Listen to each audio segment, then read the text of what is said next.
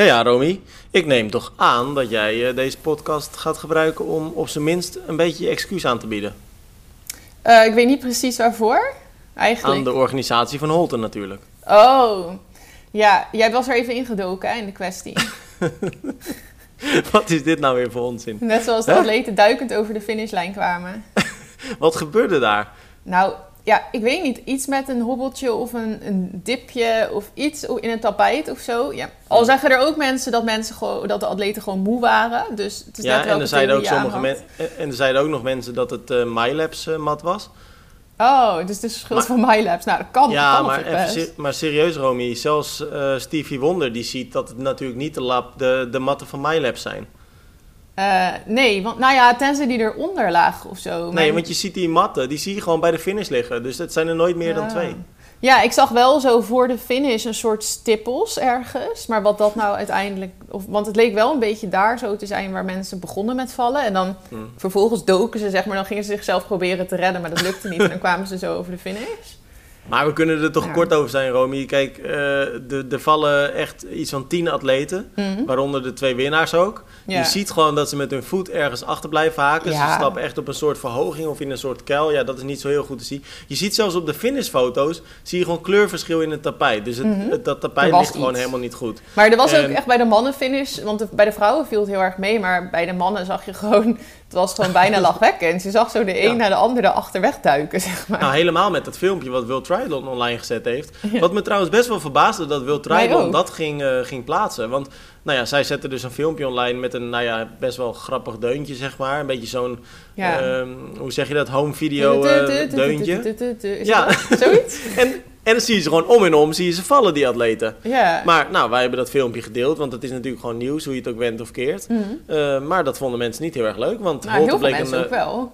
Ja, oké, maar goed, Holte was vooral een leuke wedstrijd. Dat, eh, Ja, maar dat, dat- doet er toch ook niet echt... Ja, het doet... nee. Nee, ja, maar dat, dat zijn ook dingen die gebeuren. Het is ook niet dat ik nou dacht... Oh, wat een slechte organisatie of zo. Ik denk dat dat dingen zijn... Ja, dat, dat heb je toch wel eens. Ja, Dat Ja, is zo vaak bij een triathlon. Dat, dat ze Ja. ook iets verkeerd hebben ingeschat met een bocht die te scherp is... en dan zetten ze er iemand extra neer om dat even aan te geven of zo. Ja, dat maar geen excuus dus. Vanuit wat? Vanuit Holte? Of vanuit mezelf? Oh. Vanuit jou, want ik bedoel, Nee. je hebt de boosheid van wat mensen toch op je, op je hals gehaald. Het is mijn werk. Wat nou als ik deel dat eh, China Rusland is binnengevallen? Dan kun je toch ook niet boos worden op mij? Daar heb ik Ja. dan toch niks mee te doen? Nee, ik ben het helemaal met je eens. Maar goed, eh, je hebt toch wel wat boosheid op je hals gehaald. En dan kan ik me zo voorstellen dat je, dat, eh, ja, dat je daar spijt van hebt. Nee, ik vond het dus wel een goed... Inderdaad, dat World Triathlon het zelf deelde, dacht ik... Oh, oké, dan kan het sowieso wel.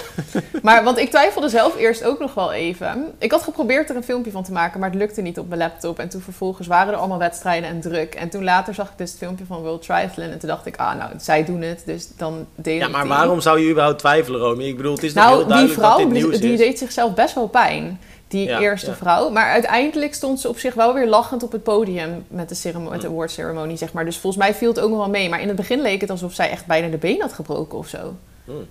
Maar ja, dat was eh, natuurlijk vanuit vermoeidheid. Ja, want ze, ze, eerst lag ze gewoon op de grond, werd zo... Ja, vermoeidheid, ja. Dat die, dat- alsof die atleten denken van... Nou, ik ga hier toch eens even lekker liggen, want ik ben nou toch echt wel moe.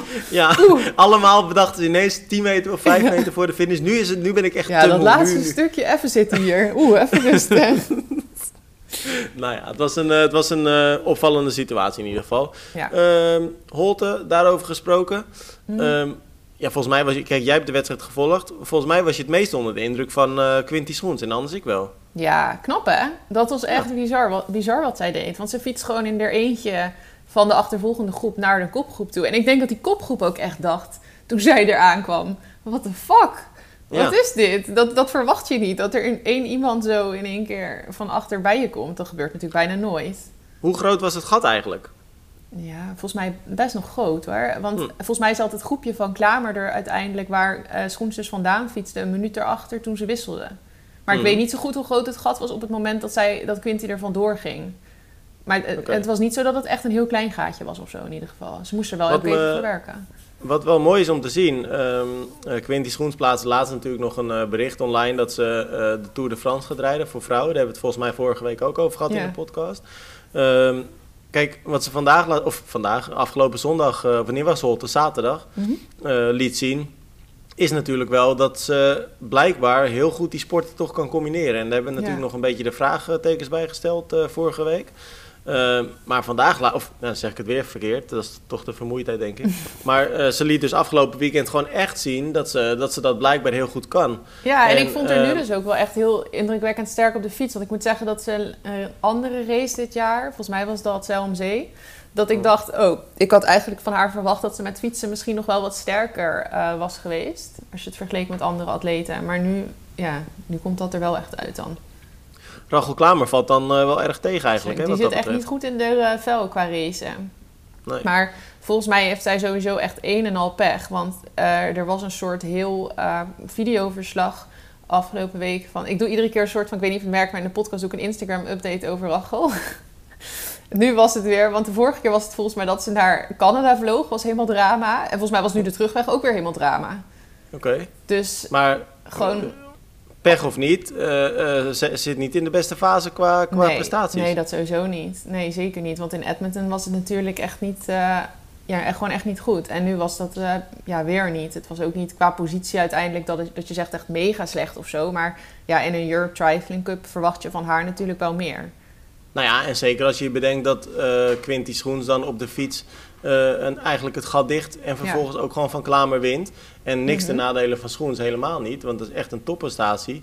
Maar dat zou iemand als Klamer natuurlijk niet mogen gebeuren. Nee, ja, maar Klamer die fietste vooral ook van, eh, vandaag. Nou ga ik het ook doen. Zaterdag fietste ze vooral ook niet echt sterk. Want eh, er waren vier, volgens mij waren het er dan kopdames vandoor. En eigenlijk zat ze er na het zwemmen nog wel in de positie dat ze dan met die kopgroep mee zou kunnen. Maar Hmm. dat lukte er met fietsen gewoon niet. Dus daar heeft ze het vooral laten liggen. Ja, met lopen was ze ook niet zo goed als ze normaal zou kunnen zijn. Nou ja, het was, eh, het was eh, tof om te zien. Het was sowieso ook wel tof dat er weer eens een, eh, een wedstrijd van dit niveau in Nederland was. Echt veel, veel deelnemers, rond de 1500 geloof ik. En eh, Wim van der Broek die natuurlijk als speaker afscheid nam. Dat was ook wel een dingetje. Ja, want er stonden ook aardig wat atleten aan de start in de Wim van den Broek-serie, heette het Ja. geloof ik. Ja, hij, is, hij, is, hij is weer met beide benen op de grond staat, schreef hij vandaag. Hij eh, heeft natuurlijk een prachtig weekend gehad, heeft het allemaal even op zich laten inwerken. Hmm. En eh, nou, het is hem natuurlijk ook van harte, van harte gegund, dat afscheid. Zeker. heeft echt, nou ik weet het even uit mijn hoofd niet eens, volgens mij 30 jaar of zo aan, aan, speakerervaring. Heeft natuurlijk bij alle wedstrijden zo'n beetje gestaan. Mhm. Dus nou ja, dan is het nou, aan de ene kant jammer dat hij stopt. En aan de andere kant is het ook prachtig op de manier waarop hij dat nou, dan het is doet. echt Dus, wel de mooiste manier om te stoppen, dit. Absoluut. Het is een heel groot, groots einde. Nou, dan gaan we door, eh, want er gebeurde natuurlijk veel eh, dit weekend. Maar, ehm, Nou, ja, maar laten we ook even hebben eerst eigenlijk over hoe het met jou gaat. Want kijk, op zich al die topatleten zijn belangrijk. Maar jij als ace bent ook wel belangrijk. Ja, nou, kijk, ik heb natuurlijk eh Frodeno verslagen. Dat is waar. Ja, Ik voel me best wel goed, ik leef op een wolk. nou, volgens mij ben jij echt in je doen. ik had echt mijn beste wedstrijd ooit. En ik ben echt doorgegaan, want ik wist gewoon, Frodeno ligt eruit. Dus ik ga winnen van hem. Nee, maar ja. eigenlijk is nog het mooiste. Want het is echt mijn beste wedstrijd ooit. Maar je had natuurlijk eigenlijk geen goede benen. Maar je hebt gewoon een gouden toekomst voor je liggen. Want als jij wel goede benen hebt, moet je, kun je nagaan. Ja, kun je dan nagaan. Dan, dan had ik Dietlef ook nog gepakt, ja joh, ik. dik. Nee, ja, hoe gaat het met me? Ik weet niet of je het nu goed kan horen. Ik ben een beetje verkouden. Het is gewoon een beetje wat bij een long distance hoort natuurlijk. Ik ben eh, ja, best wel gesloopt, eerlijk gezegd. Eh, Het was echt een... Ja, je moeder had het ook voorspeld. Ze had gelijk. ja, ze had gelijk. Ja. ze zijn nog gekomen naar rood, hè. Dus ehm, ze, hebben, ze zijn toch nog... Het was leuk. Dus ze Ja. stonden ineens als verrassing eh, langs het parcours. Dus dat was gaaf. Fijn dat ze een hart onder de eh, riem kan Ja, steken. maar het was echt een zware dag. En ik weet niet, de meeste mensen zullen Challenge Rood wel gevolgd hebben, denk ik. Mhm. Ehm, ja, het was zo krankzinnig heet. En eh, nou ja, bij mij ging het zwemmen eigenlijk goed, 1 uur 8. Dus dat was nou ja, voor de meters die ik gezwommen heb dit jaar eigenlijk prima. Ehm, maar op de fiets voelde ik eigenlijk na 15 kilometer al dat ik zware benen had. Kon ik op zich nog wel lekker doortrekken. Ik geloof dat ik 5,5 uur gefietst heb of zo. Hm. Maar met dat lopen was het eigenlijk na 8 kilometer... eh, het was zo heet langs die, eh, langs die vaart. Of langs dat Ja. kanaal. En eh, ik, ja, ik stond gewoon geparkeerd. Dus ik heb echt wel bij iedere drankpost stukken gewandeld. Om mezelf maar cool te blijven houden. Maar ook als je water over je heen gooit. Het was zo krankzinnig warm. Ja. Toch is Dus dat best dat- vaak in Duitsland nog, hè? Met wedstrijden Ja. in de zomer, dat het gewoon bloedheet is. Ja, maar ik heb, ik heb drie keer rood gedaan. Dit was de derde keer. Mhm. En het is alle drie de keren warm geweest. Mhm. En ik heb ook wel vaker in andere, op andere locaties eh, eh, warme wedstrijden eh, gedaan. Mhm. Maar ik heb dit eigenlijk nog nooit ervaren, Nee. zo, zo warm dat het was. Ik Ja. voelde ook tijdens het lopen, mijn longen waren gewoon aan het branden. Alles deed pijn. Het was echt, er was geen, geen mogelijkheid om af te koelen Stonden eigenlijk. je voeten zeker ook helemaal in de fik? Nou, dat had ik met fietsen dus. Dat was ook zo bizar. Ik denk dat ik wel vijf eh, bidons met water over mijn, over mijn schoenen heb leeggespoten Oh, ja. tijdens het fietsen. Ja, verschrikkelijk. Ja, want ik kan me op zich wel rood... eh, die andere keren dat ik er was, twee keer geweest ook in de afgelopen jaren, was het ook eh, heel heet. En ik kan me ook wel herinneren dat het echt bijna woestijnheet voelde, zeg maar, als je daar langs dat kanaal Ja. liep.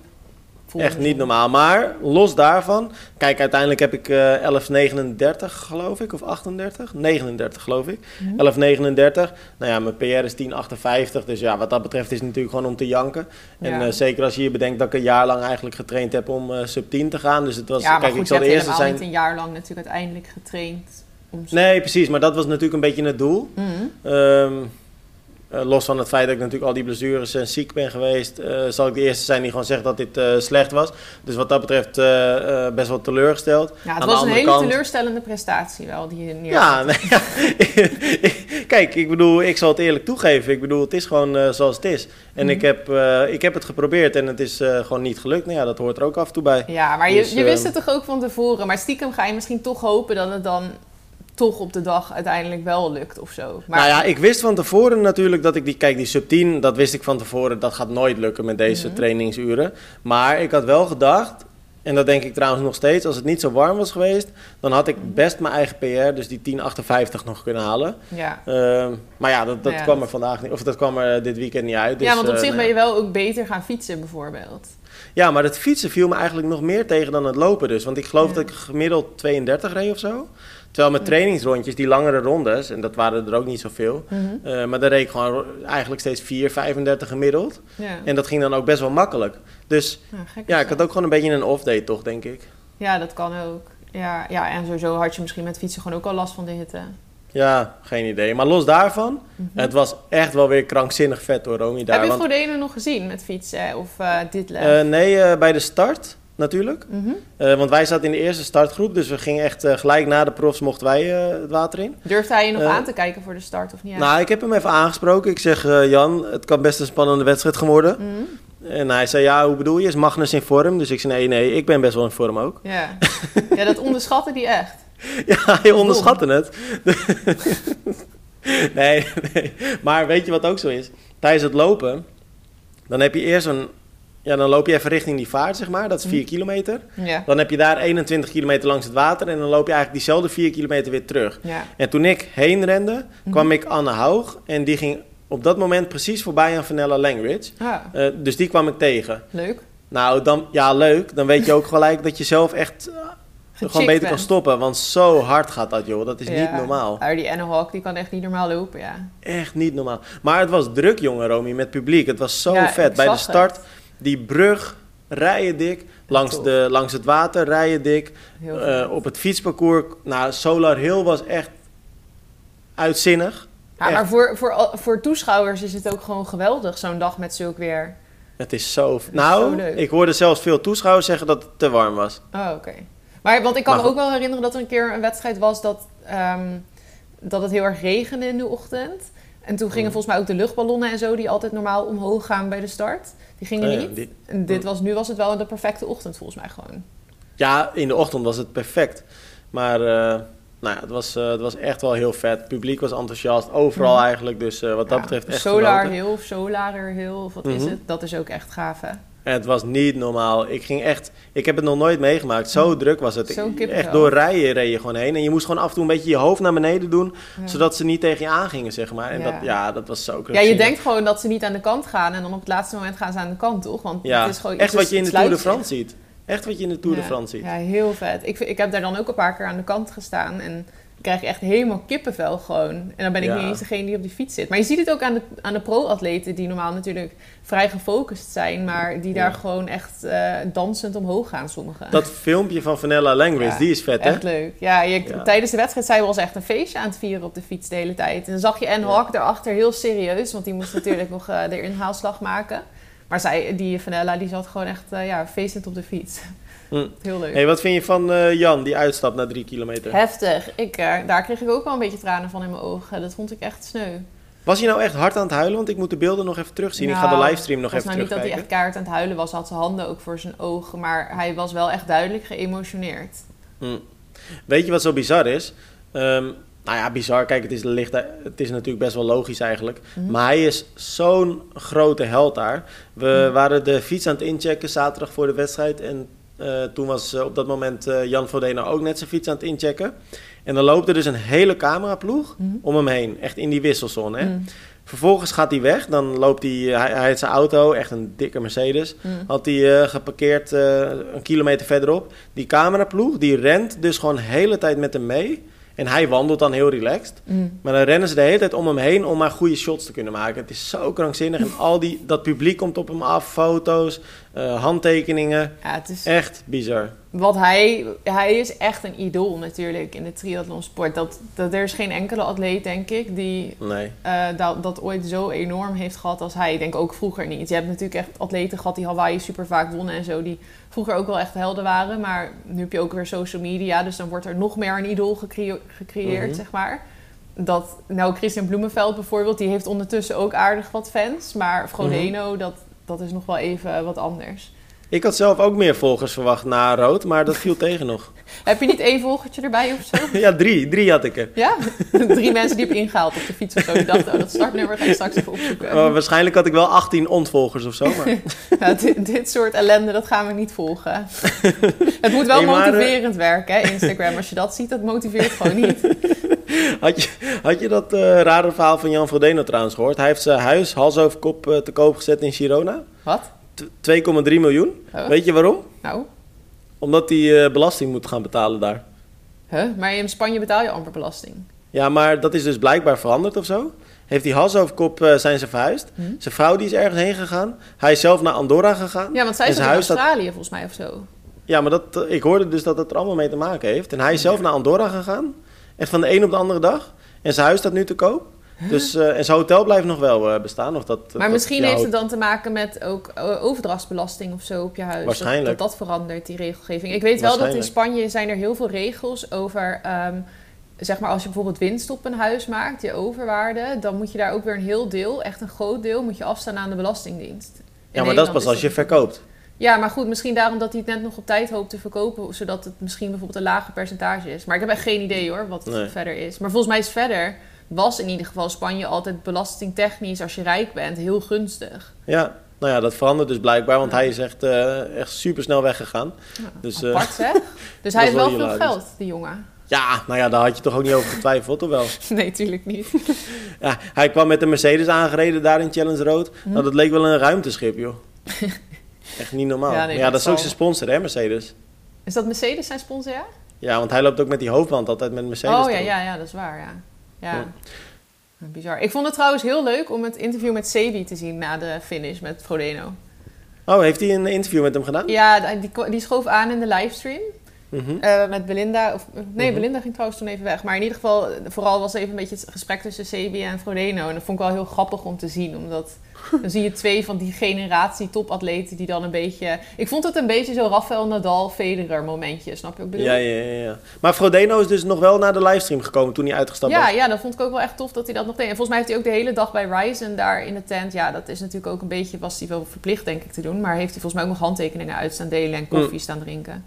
Oké, want ik heb hem dus ook bijvoorbeeld... Ik heb hem bijvoorbeeld niet bij die eh, party in de avond nog gezien. Daar was hij volgens mij niet. Eh, nee, ja, maar hij, was, hij is volgens mij best nog wel aanwezig geweest. Hij heeft zichzelf even opgelapt of zo. En toen op een gegeven moment Mm. is hij dus wel in de livestream aangeschoven. Voordat ook volgens mij dit lef denk ik nog gefinished was. Oké. Nou, hij heeft natuurlijk ook niet zo'n heel zwaar dagje gehad. Ja, dat, dat nee, klinkt ja, een beetje stom, maar ik bedoel... aanstellen. Ik bedoel, eh, Nee. nee, nee, nee, maar ik bedoel... Kijk, het fietsen, daar zal hij heus niet zo heel erg kapot van zijn. Het maar zelfs al was hij gefinished, dan kan hij denk ik over het algemeen dat ook nog wel aan. Ja. Maar... Dat was ehm, vooral eh, emotioneel zwaar voor hem. Ja, dat denk ik ook. Anne Haug en Dietlef, die hadden echt wel een topdag, hè? Dietlef verbaast me echt, hoor. Wat sterk, joh. Dat is echt vet, hè? Maar ik- 7,35. Hoe dat zo iemand... Eerst kon hij helemaal niet zo heel goed lopen. Hij viel altijd heel hard weer terug met lopen. En dat hij nu dan zo'n marathon loopt, dat is echt zo sterk. Maar wat vind je ervan dat hij op een paar seconden na het Mhm. eh toen de tijd wereldrecord van Jan Frodeno neerzette? Ja. Hij kwam een paar seconden tekort. En hij wist het dus niet, hè? Want hij heeft een heel Ja. stuk gewandeld in het stadion. Ja, dat is wel zonde. Ja, dat had hem gewoon kunnen pakken. Maar Ja. het is echt ongekend dat hij dat doet. Want in Frodeno's tijd, dat waren trouwens ook nog wel... Dat was een ander parcours, geloof ik. Maar Mhm. aan de andere kant was dat wel optimaler gemaakt... om ook een snelle tijd te behalen, volgens mij nog, dan, dan Klopt. het nu is. Ja, En het was bloedheet. Dus wat hij deed eh gisteren, nee, eergisteren... dat was gewoon, ja, echt heel bizar. ja echt fenomenaal. Ja, heel Hm. Nou, ik vind het ook echt een leuke atleet, die Dietlef. Het, komt, Ja, het is een beetje, ja, klinkt lullig, maar een soort nerdje of zo om te zien, zeg maar. Maar dan zo, zo lief en schattig of zo. Ik weet niet, ik vond het helemaal leuk dat hij had gewonnen. Ja, en heel, eh, heel rustig ook, weet je wel. Ja, maar volgens mij is hij ook best wel serieus met heel, eh, hoe zeg je dat, wetenschappelijk of zo, zijn aanpak. Ja, klopt. Ja, dat idee heb ik ook wel. En hij zei ook, ik sprak hem na afloop heel kort. En toen zei hij ook van, het was echt... eh nou ja, Patrick Lange zei dat volgens mij ook, zei jij, want ik heb die niet gesproken. Hm. dat het echt brutal conditions waren. Ja. Eh, maar hij zei dus, Dietlef, van ik heb daar echt heel specifiek op getraind. Hm. Ehm, en vooral met het lopen. Nou Ja, je ziet wel dat het zich echt uitbetaalt. Hoe heeft hij daarop getraind dan? Heeft hij in de sauna hard gelopen? Ik- ja, dat weet ik eerlijk gezegd niet hoe hij dat gedaan heeft. Maar waarschijnlijk van die eh, warmtekamers of zo, weet je wel. Ja, wel grappig, want je zou nou niet denken dat je voor rood per se... Of ja, dat doet hij voor Hawaii dan waarschijnlijk. Ik weet niet of hij, na, ik weet niet of Ja, hij geplaatst is Ik al. weet het Nee, trouwens denk het wel. Want hij is in Amerika natuurlijk eh, in Ironman Texas tweede geworden achter Hoffman. Ja. Ik verwacht dat hij daar wel een slot heeft gepakt dan. Ja, zou kunnen. Maar ik weet niet. Want atleten weten in principe ook echt wel dat de rood altijd heet is. Hoor. Want jij zei het net ook al. Ja, het is dat is eigenlijk altijd. Maar je verwacht het op zich ook weer niet bij Duitsland. Nee, nee, dat klopt inderdaad. Nou ja, het was in ieder geval een, eh, een toffe wedstrijd. Wat ook tof was, ehm, jij hebt weer twee eh, ultra-atleten gesproken. Mhm. Eh, dat was ook wel krankzinnig, hè? Koen Ja, van. Meeuwen en alle, hoe heet die? Costera. Ja. Ja. Nou, en vooral het verhaal van Adriaan Costera was ook nogal bizar. Want die ging dus een quintuple doen. Dus dat is vijf Ironmans in ehm, ja, vijf dagen. Maar je, doet, je plakt alles achter elkaar. Dus eerst het zwemmen, dan het fietsen en dan het lopen. 19 kilometer zwemmen, geloof ik. Ehm 211. Ik doe het even uit mijn hoofd. Maar eh, nee, niet 211. Dat was Nee, het veel andere. meer. 900 nog wat volgens mij fietsen. Mhm. En 211 dan denk ik lopen. Mhm. Klopt het ongeveer? Ja. Dat, als je dat keer Ja. 5 doet, dan kom je ongeveer volgens mij op dit. Eh, in ja, ieder vijf, geval, keer, eh, vijf keer 180 is gewoon 900 precies. Dus. Oh ja, nou dan was het dus precies, precies 900. En volgens mij inderdaad en dan 210 kilometer hardlopen. Oh ja. Nou ja, echt eh, flinke afstanden. Maar voor hem eigenlijk moest dat nog een soort van meevallen. Want hij doet over zes weken zo'n DK Ultra Triathlon. Dus dat is dan tien keer. Dus nog het dubbele van wat hij nu heeft gedaan. Maar hij was dus aan het zwemmen. Hij was zich aan het klaarmaken voor het zwemmen. En toen kwam er iemand naar hem toe en die vroeg een autosleutel. En toen heeft hij verder niet gevraagd waarom. Heeft hij gewoon afgegeven. Eh, toen bleek dus dat zijn auto in de brand stond. Alleen dat hebben ze hem niet direct verteld. Eh, maar op een gegeven moment moesten ze het hem wel vertellen. Omdat er gewoon dingen geregeld moesten worden met de verzekering. En ook, ja, ik denk ook andere spullen gehaald. Dus dan zou hij toch wel doorkrijgen. Dus die Ja. kreeg gewoon tijdens het zwemmen te horen. Toen hij nog vier, nou vijf dagen lang vervolgens moest racen. Dat zijn auto was afgebrand. Ja, dat is echt zuur. Dat je dan vervolgens, want hij dacht dus, oké, dan moet ik extra goed mijn best doen, want dan heb ik extra hard mijn sponsoren nodig. Ah, dat, dat vind ik echt. Dat, je Dat zo, is echt bizar. Ja, dat is heel bijzonder wel. En weten ze ook hoe die auto in de brand is ge- gegaan? Nee, ik, dat heb ik eigenlijk ook helemaal niet gevraagd. Dat is een beetje stom, maar dat weet ik Hm. eigenlijk niet. Nou, Kan het hem nog eens even appen. Ik, vra- Ja, ik vraag me af wat er door je heen gaat als je dat eh, hoort joh, tijdens een wedstrijd. Ja, je hoort ook nou niet echt vaak dat een auto zomaar in de brand gaat. Maar waarschijnlijk is Nou, het op zich, dat kan op zich wel hoor. Als er echt een elektronica-storing of zo is, weet je wel, dan toch kortsluiting. Het gebeurt op zich af en toe wel. Nou, het zal ook vast heet zijn geweest misschien of zo. En dat dan de airco heel hard heeft moeten werken en dat er net iets Waar was het eigenlijk? is. In Colmar, Frankrijk. In Frankrijk inderdaad. Ja. Ja. Maar, en, eh, maar goed, hij, hij presteerde niet, eh, niet minder om, geloof ik. Hè? Nee, want hij pakte dus het eh, wereldrecord quintuple. Quintuple, ik weet niet hoe je het zegt. Maar ehm, dat was wel ook de bedoeling. En het was de bedoeling dat dat hem niet al te veel moeite zou kosten. Maar het heeft hem uiteindelijk volgens mij eigenlijk nog best wel veel moeite gekost. Al had hij, als hij een goede race had, was hij volgens mij een heel stuk sneller nog geweest. En nu heeft hij er wel voor gekozen om hem gewoon net aan te verbreken. Omdat het dus als Mhm. opwarmen eerst ri- richting die DK-ding is. Ehm, maar hij had het met lopen heel zwaar, want hij ging echt helemaal hallucineren. Als je dat hoort, denk Oh. je echt, hoe kreeg je het voor elkaar nog te finishen? Want hij zag kastelen, mensen, dieren. Hij zag allemaal dingen die er helemaal niet waren. Het, het kan toch ook niet gezond zijn, zulke afstanden. Ik vind het echt heel vet hoor dat hij het Mhm. doet. Ik, ik vind het geweldig. Maar het is wel een aanslag op je lijf hoor. Ja, nee, dat, ja, dat is het ook. Ja, we hebben het er wel eens vaker over gehad van waar ligt dan de grens? Want een hele is natuurlijk ook al een aanslag op je lijf. Ja. Want jij hebt Ja. nu nog steeds rugpijn en je had maandag na de wedstrijd had je de hele dag bandende longen. Dus dat klinkt ook niet echt goed op zich. Nee, nee, maar dat is ook echt niet goed inderdaad. Nou ja, het, eh, je moet vooral gewoon doen wat je leuk vindt, denk ik. Dat is het Ja, belangrijkste. als je het leuk vindt, go for Hm. it. Ironman heeft nu een terrorist als winnaar. Ja, een eh, terrorist en een do- doper, vinden sommige mensen. Mensen zijn, echt weer mijn boos ook. zozeer. Nee, m- mijne ook niet, want mensen zijn ook weer boos hè, hierover. Ja, ik had er eerlijk gezegd helemaal niet echt eh, rekening mee gehouden of zo. Want ik had het artikel geschreven en nou, online gezet. En dit ging trouwens over het artikel in, op Triathlon. eh, in Nederland vindt iedereen terroristen en zo allemaal prima, want daar werd niet gereageerd. maar internationaal gezien hebben mensen er toch weer moeite mee. Want Ja. het ging dus over het artikel op onze internationale website. Want daar werd gewoon vol op gereageerd dat hij een terrorist was. En eh, ja, dat hij dus een, do- een doper, valsspeler volgens mij Ja, maar even En voor de duidelijkheid, want kijk, ehm, we hebben het natuurlijk dus, want iets meer duiding misschien. Het gaat dus Mhm. over Ironman Oostenrijk en die werd gewonnen door Ivan Tutukin. Ja. Ehm, is niet meest, eh, de meest bekende atleet, maar het is een Rus. Ja, Ehm, het heeft was ze- dus een Ru- je Rus. Ja, precies. Maar. Ja, want hij is nu een Kazach, hè? Ja, hij is nu sinds... Ik had ook even op zijn World Triathlon ding gekeken, zeg maar. Want dan kan je zien van voor, voor welk land hij, zeg maar, race. En er stond dus volgens mij sinds 2021 race hij voor Kazachstan. Ah ja, dus wel echt op het... Ja, oké. Nou, wel voor de oorlog uitbrak. Ja, precies, net ervoor. Dus, eh, want het verbaasde me natuurlijk wel. Want Wil Trijlon heeft natuurlijk heel duidelijk een statement gezegd... dat Russische atleten eh, eh, niet meer mogen racen. Ja. Ehm Ironman volgde dat advies. Challenge trouwens ook. Mhm. Eigenlijk alle grote organisaties. Eh, maar goed, dat eh, betekende dus wel dat een aantal mensen nu best wel pissig waren... dat hij eh, die wedstrijd kon starten, überhaupt. Ja. En laat staan ook winnen nu. Ehm, maar dan denk ik ook bij mezelf... Ik kan me best voorstellen dat dat je verbaast... of dat je dat ook misschien vervelend vindt. Dat snap ik. Want eh, je mag daar altijd van vinden wat je vindt. En zeker als dit soort statements vooraf worden gemaakt. Ja. Maar wat ik dan wel opvallend vind... is dat je dan inderdaad zoveel reacties ziet van... het is een terrorist. Ja. Maar hoezo is, het, hoezo is is vredesnaam een terrorist? Hij is gewoon een profatleet. ja, hij komt gewoon toevallig uit Rusland. Dat is ook Ja. wel gewoon hele dikke pech hebben. Precies, dat En is echt je, totaal bui- buiten zijn invloed om. Ja, Kijk, ik vind dat hij doping gebruikt heeft... Zeggen Russen mogen niet racen. Maar ja, je kan natuurlijk ook niet gaan zeggen van ja, en iedereen die ooit Rus was en nu in een ander land woont, Nee. dan wordt het allemaal wel een beetje ingewikkeld. Ja, dat wel. Maar wat vind je van... ehm, want er werd natuurlijk niet alleen gezegd dat hij of, ehm, terrorist is... Ja, maar ook een eh, doper. En datzelfde werd ook gezegd van Michael Wijs. Nou, van hem wordt het natuurlijk Mhm. altijd eh, gezegd. Eh, hij werd tweede nu. Ja, volgens mij is Eh, Wise ook echt betrapt. Ik- Ja, Wijs is echt veroordeeld ook daarvoor. geloof ik niet, maar wel veel van zijn vriendjes en zo in Rusland natuurlijk. Mhm. Ehm, maar dat blijft ook altijd een toch wel terugkerende discussie dan, hè? Ja.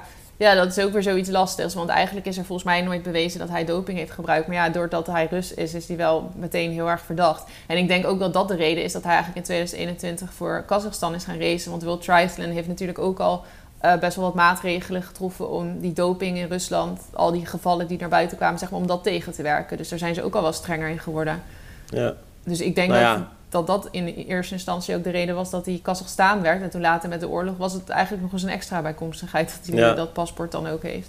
Ja, en qua doping, maar dat hebben we volgens mij ook een keer besproken al. Michael Wijs, die heeft gewoon zijn straf uitgezeten, toch? Dus dan heeft hij ook Ja. alle recht om nu gewoon Ja, weer het, te het racen. is altijd een lastige discussie, omdat als je een aantal jaar, dat is dan wat mensen zeggen die daar tegen zijn, als je een aantal jaar hebt gedoopt, dan kan je daar ook nog de rest van je leven soms, ja zeggen ze hoor, ik ben geen wetenschapper, ik weet het niet, maar dan wordt gezegd dat je daar nog heel lang profijt van kan hebben, omdat je gewoon jarenlang extreem veel hebt kunnen trainen en meer aankon.